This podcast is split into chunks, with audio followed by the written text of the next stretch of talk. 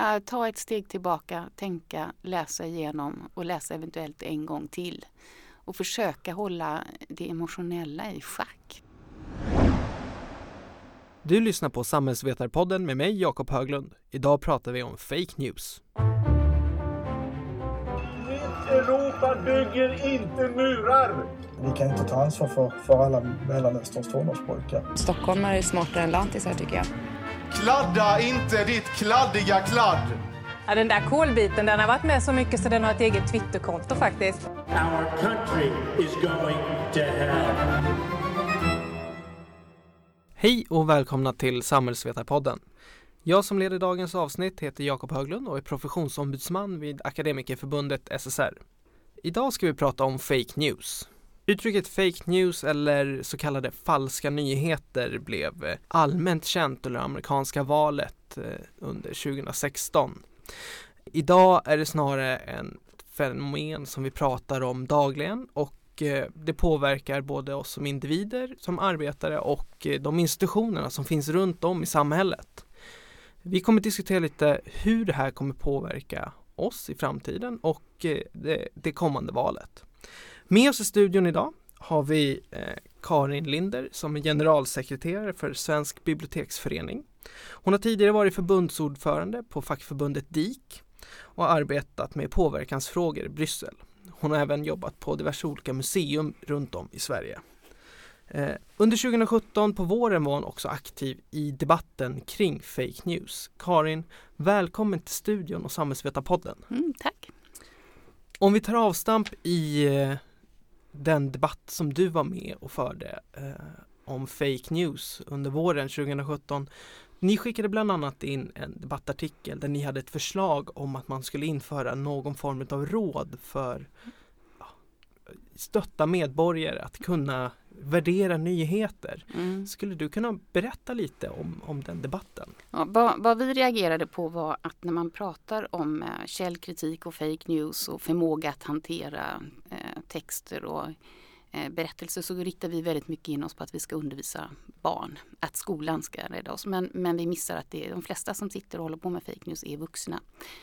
Eh, och så det, vad vi vill göra var att lyfta att det är också de vuxna som behöver eh, vad ska man säga, stöttning och ehm, eh, rådgivning i att det faktiskt finns kunskap som man kan basera sig på. Så att det var, det var huvudmålet med eh, artikeln var att säga att det är också vi som, eh, som behöver hjälp. Och sen det här rådet, det handlar ju i, hög utsträckning om att man ska kunna lita på att det finns flera olika källor. Och där tycker vi att biblioteken är en sådan källa.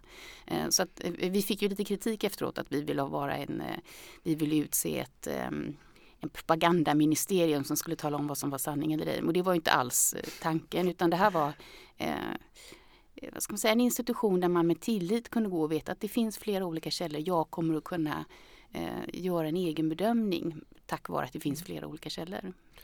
Mm, jag har lä självklart läst eh, debattartikeln då och det blir intressant när du pratar om det här med propaganda och, och fick den stämpeln. För det känns ju också som en, en medveten, eh, ett medvetet missförstånd. Alltså, som jag läste det så var det ju utifrån att det skulle vara ett oberoende. Mm. Att det inte skulle finnas just den statliga inblandningen på det sättet. Men det där är ju lite grann, vad ska man säga, kärnan i ja, hela det här begreppet fake news kanske man kan fundera på om det är rätt eller ej. Men, mm. men det, det är ju en av komponenterna, det är ju att man vill inte förstå vad avsändaren säger och sen så utifrån sin egen okunnighet eller utifrån sin egen ovilja att lyssna på den andra så drar man slutsatser och så fortsätter man eh, sitt eget argumenterande. Så att eh, vi brydde oss inte speciellt mycket om de där kommentarerna kan jag säga. Av förklarliga skäl. Mm, mm. Nej, det är väl någonting som man verkligen har sett framförallt på senare tid tänker jag med det här. Eh, man pratar filterbubblor numera också kopplat till, till fake news. Så det är väl kanske något sånt som, som man också är man i en så kallad filterbubbla så kanske man inte vill heller komma ut från den. Precis som du pratade om lite där, att man inte vill förstå. Nej, man vill inte förstå. Nu är ju också filterbubblor då mm. ett begrepp som man också kan diskutera om man ja. hela tiden ska välja för och emot. För Um, frågan är om det finns filterbubblor. Alltså, problematiken är nog ganska mycket att vi har, vi har betett oss och eh, uppfört oss på ett visst sätt och sen så kommer det in en ny teknik och plötsligt så tror vi att åh, landskapet är helt annorlunda. Men eh, det är oftast inte så utan vi beter oss eh, på samma sätt men i det här fallet så får eh, den mediala spridningen otroliga konsekvenser. Och det här med filterbubblor, vi, har, vi lever nog i filterbubblor även utanför nätet så att säga. Och det, om man som jag jobbar med kultur så vi, är, vi ser väldigt likadana ut allihopa och vi tycker ungefär samma sak. Så att det finns nog filterbubblor inom alla de här, mm eh, även utanför. Eh, och jag tror att egentligen vad, vad vi måste tänka på det är att göra oss själva medvetna om hela tiden eh, att vi väljer att umgås med människor som ser likadana ut. Eh, vi väljer att bekräfta oss, vi väljer att bekräfta andra. Eh, men det farliga här är att nu är det någon som sätter det här i system. Och då, då måste man börja reagera lite grann. Men för att ta oss från det steget då, för det var lite alltså ta det steget för att ta oss vidare och inte bara låsa oss själva vid de här mönstren och bara bekräfta de som vi umgås med. Vad behöver vi göra då? Läsa? Nej, så enkelt är det ju inte. Um, jag tror att vi måste vara väldigt noggranna med vårt eget agerande och det Egentligen skulle man vilja göra en nollmätning faktiskt på sig själv hur man eller hur jag uppförde mig Ehm, om, om, vi ska, om vi kopplar ihop det här nu med, med ehm, sociala medier till exempel så gäller det att hela tiden ta ett steg tillbaka och fundera på eh, hur, hur gjorde jag för några år sedan? Reagerade jag på det här? Eh, agerade jag? Går jag igång nu på känslor eller eh, kan det här vara en ehm, kan det här vara sanningshalt i den här artikeln? Behöver jag kolla det? Ska jag verkligen klicka? Att man hela tiden vet eh, eh hur man själv agerar. För just nu är det nog så att man ganska lätt dras in i eh, andras agerande och gruppagerande. Eh, man klickar och delar och sprider och så läser man inte. Eh, börjar man läsa så kanske man funderar, nej men det här kan inte vara rätt. Eh, mm. Tror, du, tror du avsändaren har en stor betydelse. Jag tänker med det här att klicka dela beteendet. Om jag litar på avständaren, om det är min vän eller bekant, då delar jag lättare och granskar inte. Så är det. det. Det, bygger ju lite grann på det. Alltså, vi bygger ju vår kunskap just nu på sociala kontakter. Eh, vi delar våra nyheter via sociala kontakter. Eh, Eh, men jag vet inte så mycket om vi litar på varandra som det att vi går igång känslomässigt. Mm. Det är mm. ju känslomässigt delande som är, gör den största spridningen. Plus att det då finns eh, vi, vill, vi vill vara kunskapsundvikare. Eh, vi vill vara, inte faktaresistenta, men vi vill neka till att det finns en, en en gemensam eh, sanning som det ju faktiskt gör. Men just nu är ju den där sanningen ganska mycket satt i, i eh, vad ska man säga, ifrågasättande. Mm.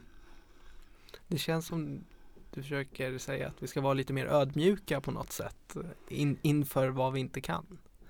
Jag, alltså jag tror att det här är väldigt komplext. Ja. Jag blir väldigt irriterad när det kommer. Eh, nu har jag gjort en eh, nu kan ni söka, köpa det här verktyget som kommer att skanna alla era eh, ert beteende och det här är en varning. Så vad vi måste göra är ju att jobba själva. Mm. Vad är det mm. som händer med oss när vi blir påverkade av det här? Eh, vi måste vara medvetna om vårt eget beteende. Ja, ödmjuka kan vi nog vara. Framförallt, vem är det man, hur vill jag själv uppfattas mm. på nätet? Um, och det är ju jättemånga som överhuvudtaget inte bryr sig om hur de uppfattas. Utan, men, men då måste man ju veta att ju mer de inte bryr sig om hur de uppfattas, ju mer kommer vi att dras in i det, vi som är noggranna med det. Mm. Så att um, ja, eftertanke hela tiden. Och det här tror jag, det, det som är intressant nu det är att det här har blivit jättestort inför valet. Mm. Det kommer att fortsätta efter valet. Och det, det är också lite sådär, det som vi inte riktigt förstår, att vi lever i en helt annan eh, eh kontext och vi måste se att den är ganska komplex. Det här med, med efter och innan eh, val, jag, jag, tycker det är lite intressant om man bara kollar på amerikansk politik. Mm. Lite därifrån eh, framförallt som vi fick ta del av det här fenomenet. Eh, det är allmänhetens beskådning. Men nu när man har de här processerna som pågår i, i USA med rättegångar och den här Rysslandsutredningen och så. Jag vet inte hur inläst du, du är på det eftersom nu, nu Scroll, lite scrollinläst. Scrollinläst. ja. Men jag tänker där, jag tycker det är väldigt tydligt på det sättet eh, att det här är någonting som händer efteråt också. Alltså de här falska nyheterna, man delar vissa saker. Det har ju verkligen fortsatt, det får kanske inte lika stort medieutrymme som det fått förut när det verkligen var osanningar och olika kandidater. Men nu handlar det ju snarare om att bygga olika delar av samhället som tror på olika saker, att man försöker splittra alltså i den här falska nyhetsförningen på något sätt.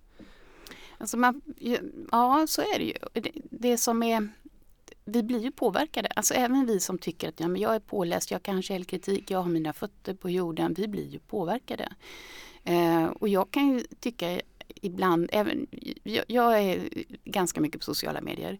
Eh, ibland vet inte jag, är det här sant eller ej? Jag kan inte, faktiskt inte alltid bedöma på en gång, är, det här på riktigt eller ej? Eh, så det där kommer ju att fortsätta men men hur gör du då? Liksom, vad, om du si- sitter i den situationen och känner att jag kan inte bedöma om det här är sant. mm, Lägger du det bara un, lägger undan det eller går du vidare med det? Nej, jag Eller? brukar, vi, vi diskuterar ganska mycket på jobbet. Ja. men jag brukar eh, nej, men lägga den åt sidan för att ta reda på. Det är också en lärprocess man har. att Hur kan jag bedöma ej? Sen tröttnar man ju naturligtvis på att höra om amerikanska valet. Men, men ehm, eh, vi måste nog hitta strategier faktiskt för att hitta, eh, veta vad det är vi ska lita på. Och då kan jag ju slå ett slag för bibliotek. Nej, men det finns ju ändå institutioner som som har ganska högt eh, förtroendekapital hos medborgare. Dit tillhör till Mm. exempel biblioteken. Jag tror ändå att skolan i hög utsträckning också till, Ja. tillhör de här. Eh, som institutet gör mätningar eh, som, där vi hela tiden kan faktiskt gå och mm, tillbaka till och titta på. Ja, men här, här finns det en grund. Sen är det nog bra att man diskuterar också när det görs fel och så vidare. Men, men eh, helt klart finns det institutioner som vi alla litar på och de måste vi nog värna om tror jag ganska, ganska mycket. Mm. Jag tycker också att det finns tendenser om att man vill sätta de där institutionerna i svaj. Att man vill ifrågasätta dem. För just det, det här om, när du säger med ifrågasätta och, och kopplat till bibliotek. Det har ju varit en ganska stor debatt om just bibliotek och vad de har för någon möjlighet att kunna välja böcker som ska ställas ut och inte lånas ut och, och, och finnas liksom under bibliotekens tak. Eh, Mm. misstänker att du har påverkats ganska mycket i den här debatten. Skulle du kunna beskriva den lite mer, vad som hände där? Ja, det här är också ett, ett nyuppvaknande kan man säga när det gäller biblioteken. Nu, nu kan jag nog säga att det finns andra institutioner som också är satta under samma typ av påverkan. Eh, när vi pratar om bibliotek i det här fallet så är det folkbibliotek. Men biblioteksväsendet är ganska komplext. Vi har eh, stora institutioner som får ta in plikt. Allt som trycks i Sverige förvaras på Kungliga biblioteket och Lunds universitetsbibliotek. Sen har alla folkbibliotek, de ligger under kommunallagen. Eh, alla kommuner har folkbibliotek. Eh, och de har inte plikt att köpa in allt. Det går inte. Det trycks ungefär 13 000 böcker i Sverige. De köper in ungefär 3 000 av de 13 000. Sen har, har man ett system där man lånar av varandra.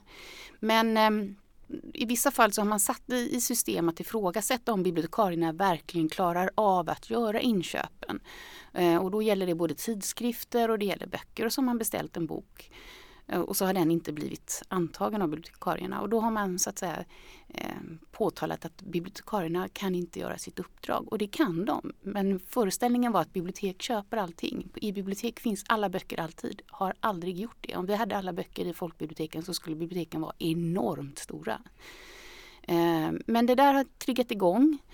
Eh, dessutom har alla människor en relation till ett bibliotek. Nästan alla har en positiv bild av ett bibliotek. Och får man då eh, serverat för sig att nu, nu minsann har bibliotekarien här de fattar inte att de måste köpa alla böcker. Eh, då blir bilden, då blir man tveksam. Är det så här? Eh, kan de verkligen välja böcker åt mig? Och då har man inte förstått att bibliotekarier har alltid valt. Det ingår liksom i deras utbildning. Ehm, så där har det, det kan man säga att den senaste tiden har satts lite grann. eh, under påverkan. Man vill skapa en bild av att bibliotek eh, Eh, kasserar väldigt mycket, eh, gallrar utan urskiljning och då tittar man sedan på vilka böcker det är som gallras så är det ju ganska uttjänta böcker i, många fall. Men den, sak, den sakupplysningen vill man inte ta med i det här. Ehm, och jag kan nog säga att det händer väl andra yrken också. Eh, man ifrågasätter om socialtjänsten verkligen kan göra sådana bedömningar och så vidare. Eh, och då kan det vara baserat på ett fall. Så återigen är det utifrån mm. en egen eh, väldigt individuell uppfattning kan man skala upp till att det blir generella ställningstaganden. Och så blir det ett, ja, det blir klick, clickbait på sådana där grejer. Mm. Så blir det en stor fråga. Och det, det du tar upp det är ju verkligen något som påverkar alltså vårt fackförbunds medlemmar och framförallt liksom de som jobbar med socialförsörjning och till exempel biståndsanläggning att där kan det komma ut nyheter utifrån ett enskilt fall där man inte vill ta med den hela sakliga processen utan man skriver någonting och man tycker att det låter bra och rimligt och därför delas det. Mm. Men eh, det här att bibliotekarier får kritik, är det ett nytt fenomen för som du säger, det har alltid varit så att bibliotekar bibliotekarierna haft den här rollen. Eh, men är det just nu som det har lyfts upp till ytan eller är det här kritik som har funnits förut? Nej, nu har det lyfts upp till ytan och eh, vad som är också jobbigt då när du är offentliganställd är att du hanterar till exempel eh, Facebook-sidor eh, där du kan eh, utsättas. Botkyrka bibliotek till exempel har ju varit ute ganska mycket och de har blivit hatade på sina egna Facebook-sidor. Bibliotekarierna där, de har blivit ifrågasatta, ska du verkligen ha det här jobbet? Och de har blivit eh, eh, ja, fått ta emot ganska mycket skäll och tvingas att sitta och hantera det här själva eftersom det räknas som en offentlig handling. Um, så att det är ganska psykiskt påfrestande tror jag. Mm.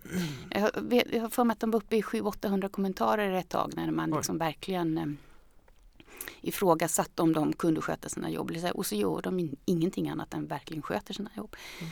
Mm. Um, Däremot så är väl biblioteken har väl, eh, det är liksom ett kärt ämne. Det diskuteras decenniervis av olika, ska vi köpa in deckare eller ej, får Barbara Cartland finnas? Och så, sådana där frågor. Det är, det är, inte så att biblioteken har varit inte diskuterade genom tiderna. Det, så är det. Men nu nu har man gått på personer. Vad det som är jobbigt med med sociala medier är ju att du kan hela tiden ligga på en person. Du kan till och med ställa in så att dina sociala medier gör det via automatik. Eh, och eh, det gör ju också att politiker någonstans blir nervösa. Och rätt som det är kanske då i, i, i Ekeröfallet till exempel där en bibliotekarie hade svarat med sitt eget namn i ett nekande till ett inköpsförslag inte fick kanske den backningen som hon skulle ha.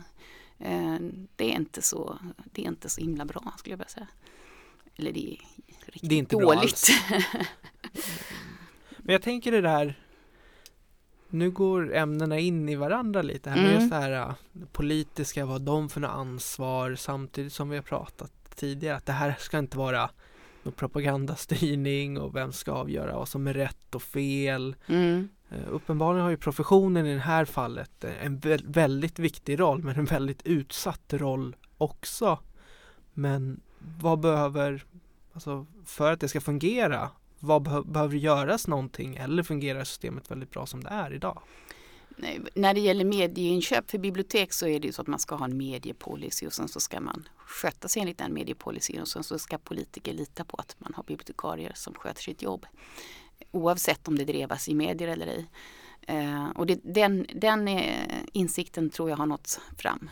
Men det har ju varit smärtsamt på vägen dit. Eh, Eh, och jag tror inte heller att biblioteken blir, eh, alltså förtroendet för bibliotek är så pass starkt så att det har inte blivit rubbat. Men det är, det är intressant att se att det har funnits en tendens. Eh, och också att spelreglerna ganska mycket valdes faktiskt av de som eh, ville påverka eh, bilden av biblioteken eller bilden av att man får, eh, att man får göra som man vill när man är offentliganställd och det får man ju inte.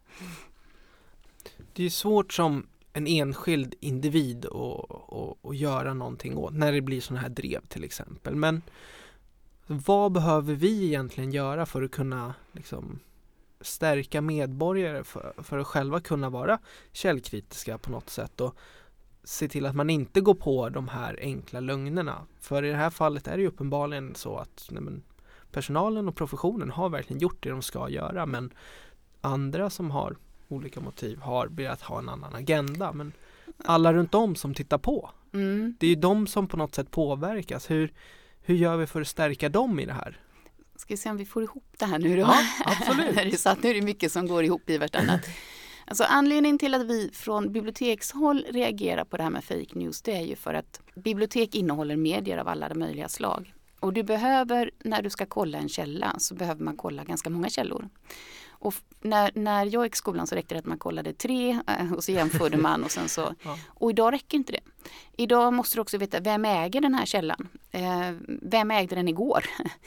Eh, Du måste också veta om jag lagrar upp någonting i ett moln. v- Vilken jurisdiktion är juridis, vad är det? Vilken juridisk rätt är det som gäller? Vilken del av världen ligger det här molnet? Eh, och det där är ganska knepigt att förstå.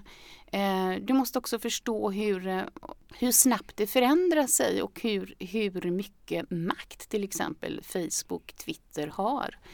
Eh, och det är några få av oss kanske har, har ganska bra koll på det där. Eh, men eh, vi behöver gå ut och tala om vad som händer bara du är med i en tävling. Vilken eh, kändis är du lik? Och så lägger du in en bild på dig själv och vips har du släppt din biometriska data. Eh, så vi, jag tror att vi behöver ett enormt folkbildningsarbete. Och då, då är det ganska självklart för oss att då är biblioteken med där. För det här är också ganska viktigt att det inte blir propagandainstitutet utan att man går och folkbildar sig utefter sin egen eh, sina egna behov, eh, att man kan gå när man vill och att man vet att ingen kollar upp att man gör den här folkbildningen. Ack så viktigt. Ja.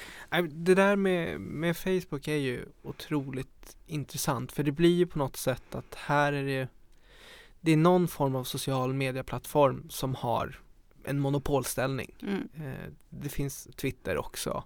Men det är väl framförallt här, de, här när vi pratar fake news, falska nyheter, det är här det finns. Och samtidigt så, så har vi ett behov av att få stöttning och för uppenbarligen så går folk dagligen på de här. Jag kan ju prata för, för mig själv och mina föräldrar som har skickat diverse länkar och Mm. sagt att ja, men det här ser ut som en jättebra tävling och så får man höra av sig och säga ja men det där är ingen tävling, kolla vem som ligger bakom. Det, det är ju en otrolig utmaning Mm. och hur ska vi kunna göra någonting åt det utan att det på något sätt blir att politiken går in och reglerar? Eller är det det vi vill ha på något sätt? Att politiken går in och, och på något sätt stöttar eller styr vad som får hända och inte hända. Nu finns det ju ganska höga krav på att politiken ska gå in Ja. faktiskt eh, eh, med lagar. Eh, och frågan är väl om inte de sociala medierna då likt den här MÖBA ändrar på sig och sen så sitter vi i samma situation igen. Eh, jag tror att det är i våra huvuden vi måste ändra oss. Vi måste vara, alltså naturligtvis också lagreglering. Eh, vi har ju till exempel en ny eh, eh offentlighetsprincipen är, är under diskussion just nu.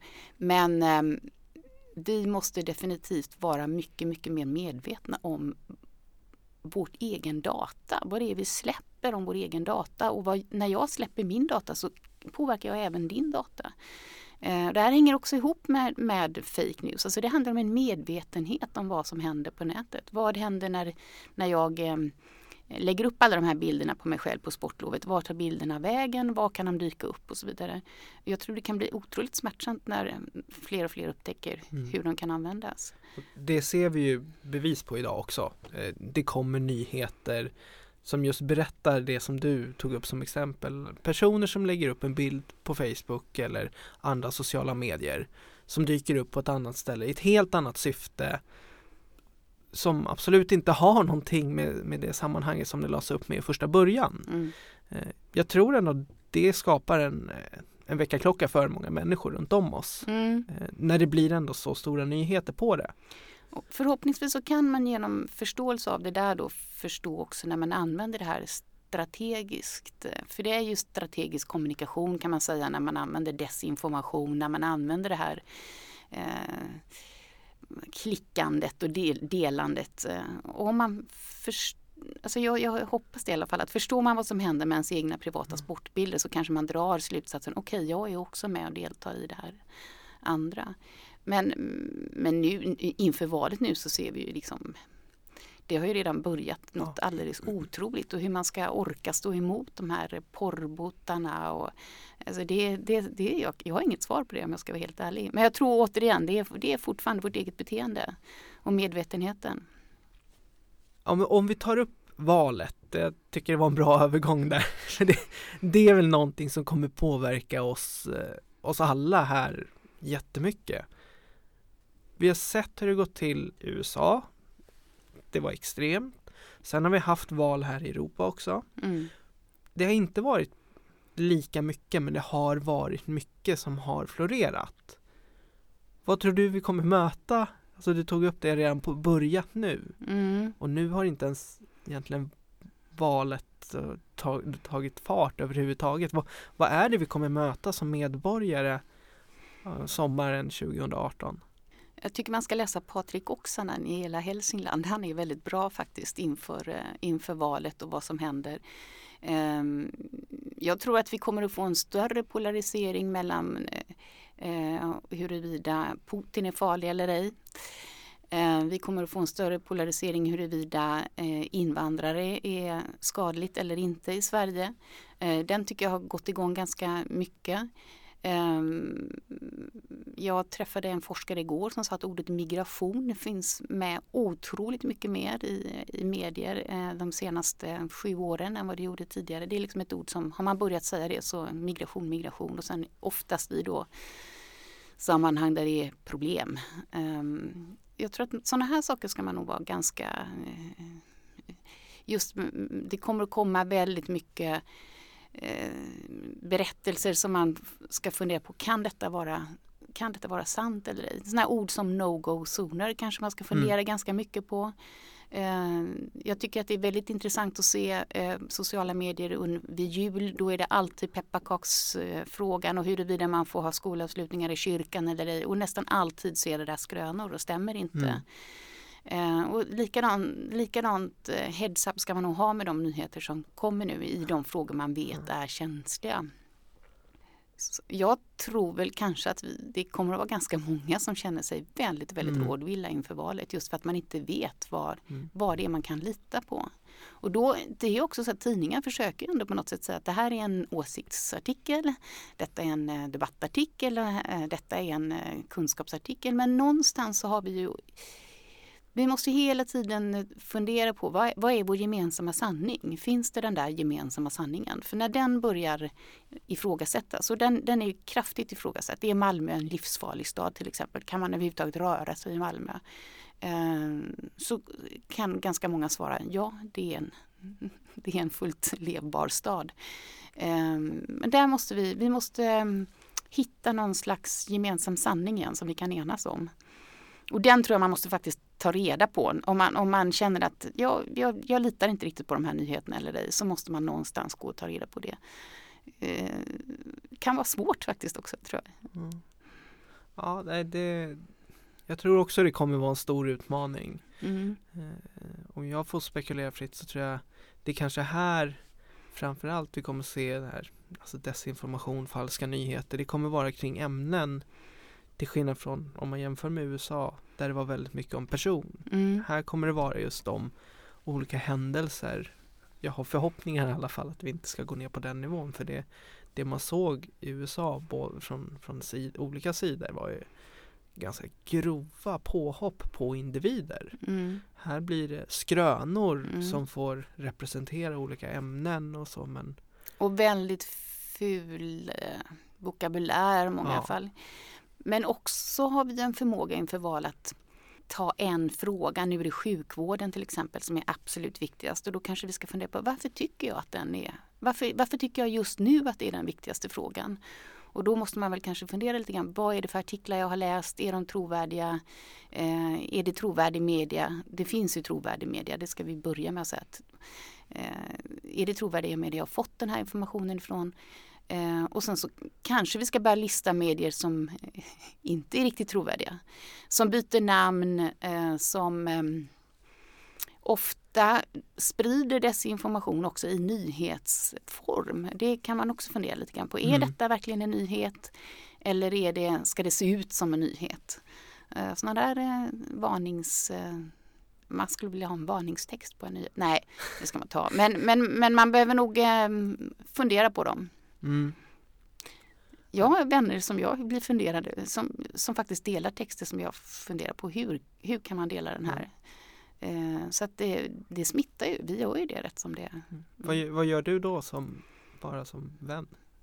Eh, En person som leker med alla de här tävlingarna på Facebook har faktiskt sagt till att eh, sluta. eh, nej, jag har nog varit mest förundrad och sen eh, någon gång så kan det också vara så att man själv är så här, "Ja, men det här var ju en riktigt bra text. Fast kanske inte. Jag tänker det, jag är väldigt sparsam med delandet och eh, eh, sitter mest och läser vad andra, andra gör. Mm. För jag tänker att det också blir Det blir den här delningen Alla människor har rätt till sin, e- sin egna åsikt och vart drar man gränsen på att säga att det du delar är falskt men de kan mycket väl vara medvetna om att för det stärker deras åsikt. Mm, men det är ju så det funkar. Ja. Man delar det som stärker ens åsikt. Man har redan en förbestämd åsikt och sen så är det bara ehm, Ja, är det det, är, det, är det det som vi har kommit överens om att vi ska göra? Att vi bara ska bomba varandra med det som stärker vår egen åsikt. Så är det är ju inte riktigt intressant heller. Det blir ganska tråkigt till slut. Om vi ska försöka runda av det här och det här har jag inte sagt att du ska förbereda men utifrån samtalet gått Vad är dina bästa tips för våra lyssnare inför valet? Vad ska de tänka på när det kommer till alltså, nyheter och så som kommer florera? Vad ska de tänka på för att kunna förbereda sig som bäst? Ja, ta ett steg tillbaka, tänka, läsa igenom och läsa eventuellt en gång till. Och försöka hålla det emotionella i schack. För vi, vi går gärna igång på eh, ord som skjutningar, katastrof, oro, eh, rädsla. Alltså det, det spelar ju på våran rädsla. Det spelar ofta i många fall också på våran rädsla när vi befinner oss i relationer. Om vi vet att det är mina barn är där eller mina barn kan utsättas för det här och så vidare. Eller någon annan. Så att hela tiden ta ett, ta ett steg tillbaka och fundera. Det tror jag. Och kanske klicka lite mindre. Bra tips! Mm. Eh, tack Karin för att du tog dig tiden och kom hit. Det har varit ett eh, jätteintressant samtal. Tack själv. Det var allt från Samhällsvetarpodden den här veckan. Samhällsvetarpodden görs varannan vecka och fångar upp de stora samhällspolitiska frågorna, gärna med en facklig twist. Prenumerera gärna på oss på de ställen där du brukar hitta dina podcast och glöm inte att betygsätta och kommentera. Samhällsvetarpodden görs av Akademikerförbundet SSR, Sveriges ledande samhällsvetarförbund.